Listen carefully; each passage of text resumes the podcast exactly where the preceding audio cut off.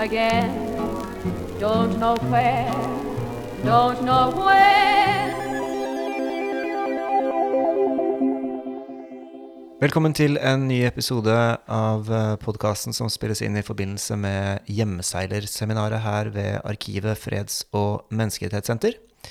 Med meg nå har jeg Ragnhild Bie, som er konservator og historiker ved Vest-Agder-museet. Hun har et spesielt ansvar for DS Hestmannen, Norsk krigsseilermuseum. Tusen takk. Du har eh, holdt et foredrag om mønstring, og det blir til og med snakk om ikke-mønstring.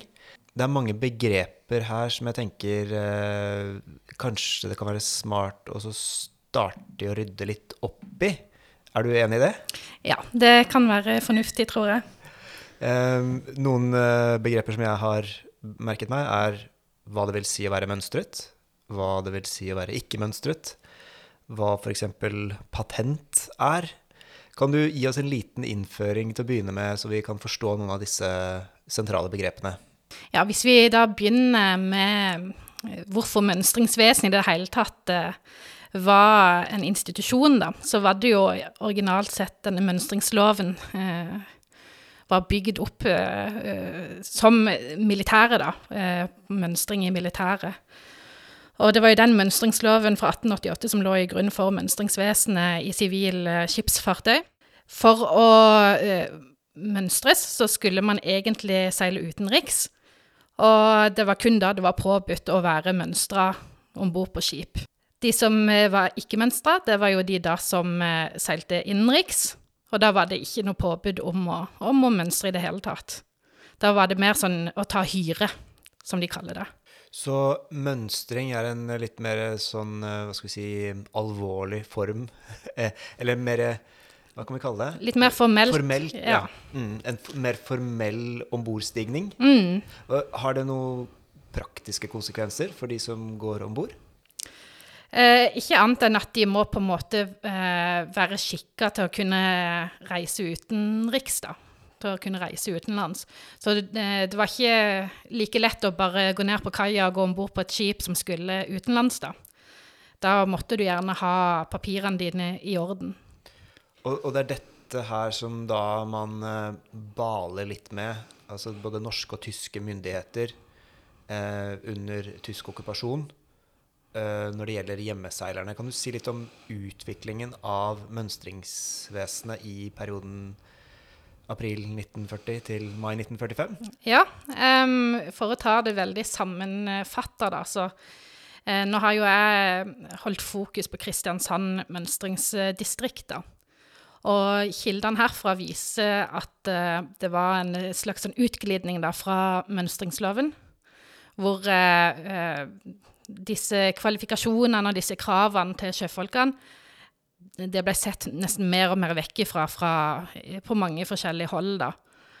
Det var jo en eh, ekstrem mannskapsmangel eh, på skipene. En mannskapsmangel som ble verre og verre i løpet av krigen. Eh, hvor det til slutt egentlig bare var om å gjøre å, få nok folk om bord. Det var som de sa, bare vi har nok til å få tøyet med, så får det bare gå greit. Så folk fikk eh, sertifikatet de kanskje ikke skulle hatt fordi at de eh, hadde ikke nok fartstid, de hadde ikke nok erfaring.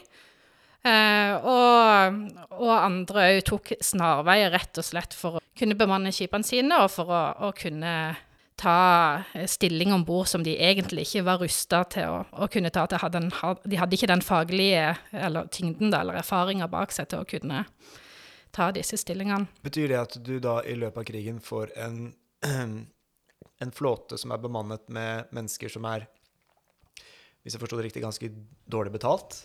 Mm, ja, det var eh, veldig dårlig hyre eh, om bord. Og så er de ikke kvalifisert for arbeidet.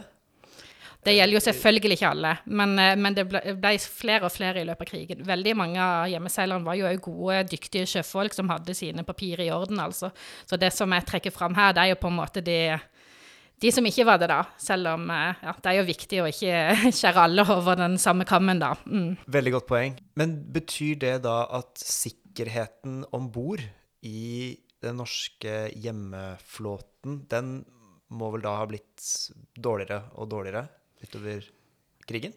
Det er jo det som er kanskje en slags hypotese for meg, at når eh, besetninga blir mindre erfarne og gjerne ikke er inne i denne her eh, flytsona da, hva de på en måte er kvalifisert til å gjøre og ikke, så eh, er det jo en naturlig konsekvens av at sjømannskapet blir dårligere. Og eh, kan hende det er flere grunnstøtinger, kollisjoner, ulykker som kunne ha vært unngått hadde det vært veldig befarte sjøfolk som eh, var om bord på disse skipene. Det er jo noe som eh, ligger i framtida å se på da, som en sånn eh, utvidelse av det nåværende forskningsprosjektet. da. Men det er absolutt veldig veldig interessant hvordan sammenhengen er mellom dårlig mannskap, da, hvis man kan kalle det det, eller uerfarent mannskap, og, økende fare ved å være hjemmeseiler. Hvor uh, finner du informasjonen din til uh, dette forskningsprosjektet? Hva er det du først og fremst ser på? Det er jo veldig mange kilder om hjemmeflåten. Um, siden jeg er fokusert på Kristiansand, så har jeg jo gått naturlig nok inn på kildene etter Kristiansand mønstringskontor. Men det er jo òg viktig å prøve å se det litt i sammenheng med eh, den nasjonale mønstringshistorien, hvis du kan kalle det det. Så, så eh, Riksarkivet har jo både Statens skipsfartsdirektorat, Sjøfartsdepartementet, Næringsdepartementet osv. osv. I tillegg til en rekke rederiarkiv som òg kan ha mye verdifull korrespondanse og rundskriv da, fra de forskjellige instansene, Arbeidsdirektoratet osv. Så, videre. så det er eh, mye spredte kilder, da. Og man kan finne gull litt der man trodde det kanskje ikke var noe. Um, det, men det er mye sånn uh, offentlige papirer. Mm. Uh, hva med mer, det som er mer i privateie. Er det noe som dere har, har los på? Ja, det, det, kan du si. Det er jo, disse rederiarkivene er jo veldig ofte privatarkiv.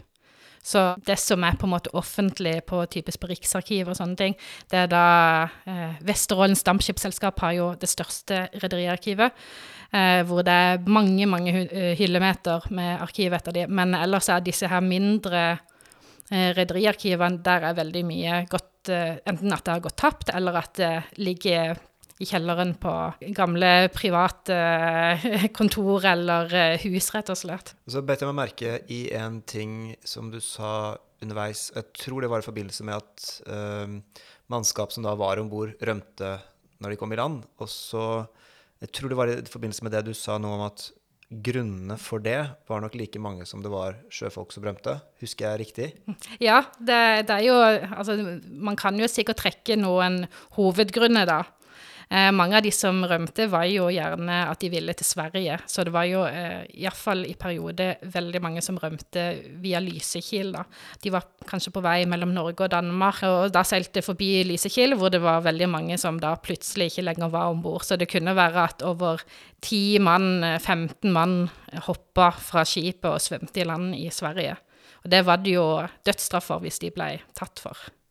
Hvordan det ble håndholdt, det har ikke jeg oversikt over enda iallfall. Men uh, konsekvensene var jo veldig, veldig uh, store, da, hvis de skulle bli tatt.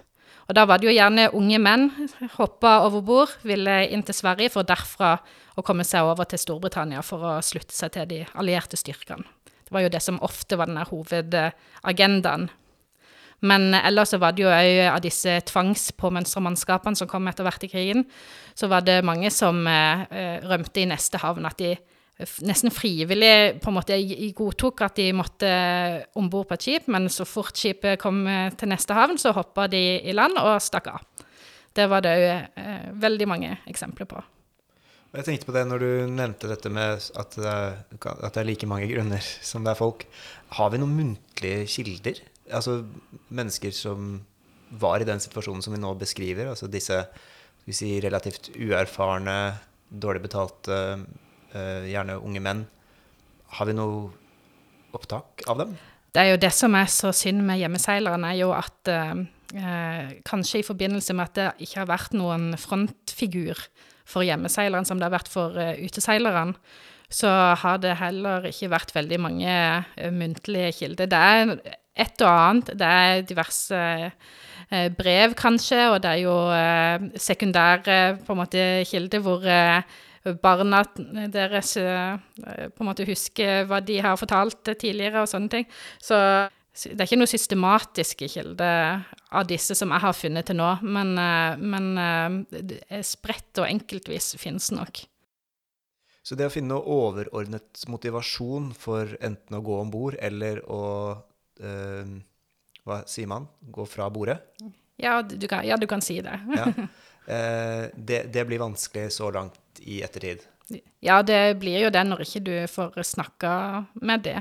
Det er jo klart, man kan jo samle det som er disse fragmenterte fortellingene da nesten over eh, det de har fortalt i ettertid, men det er jo klart det er jo at eh, de beretningene er jo ikke samla inn i dette med dette formålet heller. Men um, de viktige hovedpunktene kan man jo kanskje si da ja, Iallfall de som flykta og rømte ved Lysekil, var jo typisk å komme seg til Sverige og så komme seg over igjen til, til Storbritannia. Men um, av de som uh, valgte å ikke uh, mønstre på, at de stakk av gjerne før mønstring og sånt, og heller valgte å leve på flukt i, i Norge, da, der kan, der kan, det jo være uendelig mange årsaker til at vi Det er vanskelig å på en måte begynne å skulle nøste opp og lage noen hovedforklaringer på det nå. Men de som drar til Storbritannia, hva gjør de videre? Vet du noe om det? For det første var det jo ganske få av de som kom seg til Storbritannia. Det var jo veldig mange av de som ble værende i Sverige. Men det var jo det som var drømmen, da. Så, men dessverre så var det jo sånn at veldig mange av de ble jo gående i Sverige på tømmerhogst og for å ble med i denne her uh, hjelpepolitiet, som jo nesten ble som en slags sånn uh, militær uh, hær, da, i forberedelsene til freden, og, og når krigen skulle være slutt. Men eh, de som kom seg over til Storbritannia, der var det jo mange som gikk inn i uteflåten eller i hæren, typisk der. Så det er altså hjemmeseilere som da rømmer, og som da blir uteseilere? Ja, det, ja. det er det eksempler på. Og det er kanskje ikke så rart, særlig hvis man har yrke som sjømann? Nei, da er det jo ganske naturlig at eh, du kanskje fortsetter med det. Det er det. Så det er flere eksempler på at de, de, de har klart det og kommet seg over. Men uh, du sier ganske få?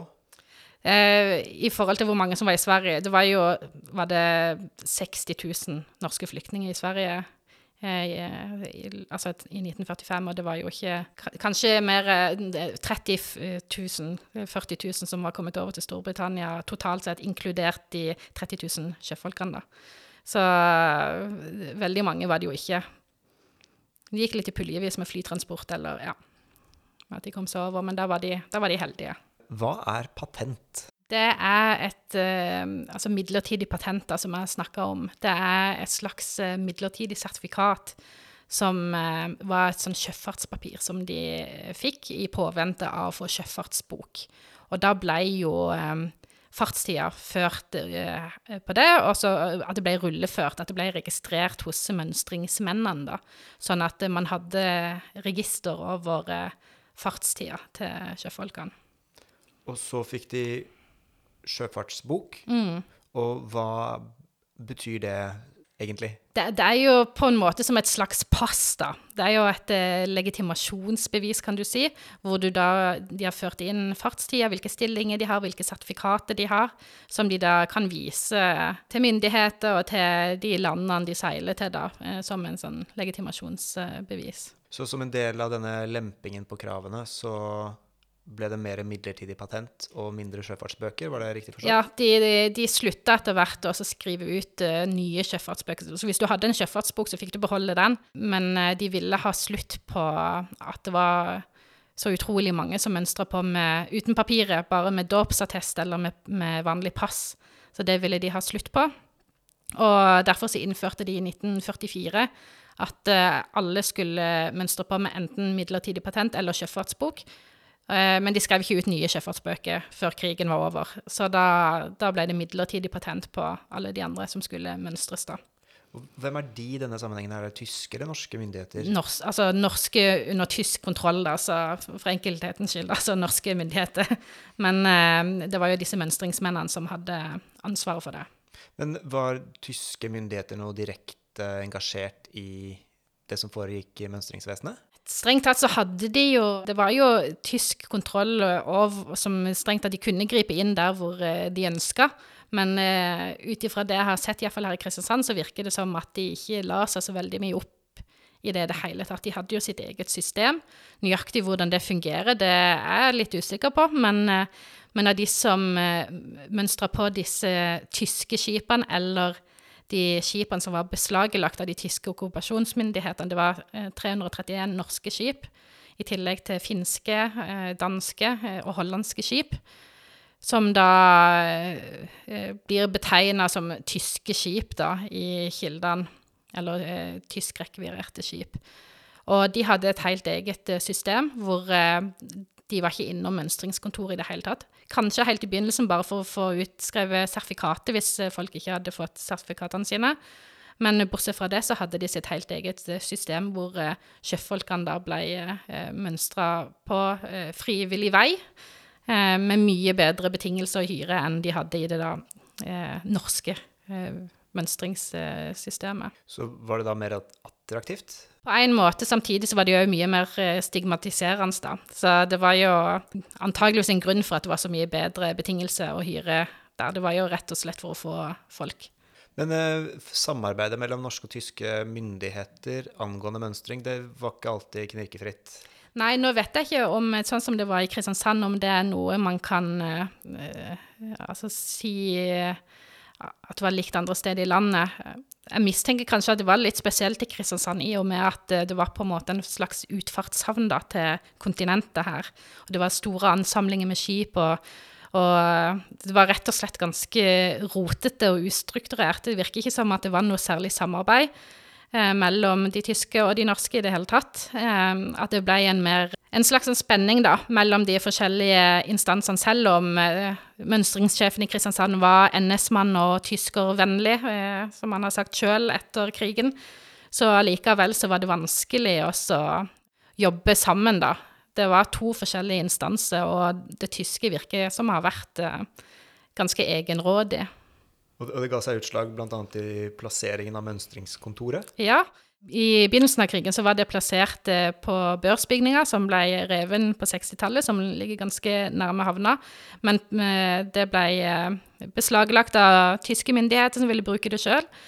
Og så skulle de da flytte inn i Tollbugata, men rett før de skulle flytte inn der, så ble det òg beslaglagt av tyske myndigheter. Så da ga mønstringssjefen opp, og de ble værende på noen ganske stusselige kontor på toppen av Kristiansands Bryggeri, tredje etasje der, eh, ut krigen.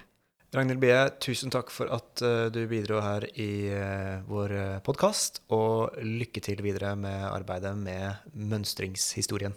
Takk for meg. Don't know where, don't know where.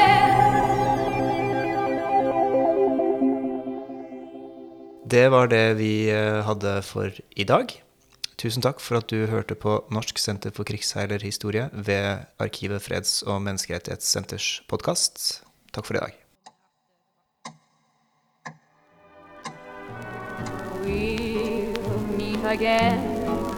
Don't know where, don't know where.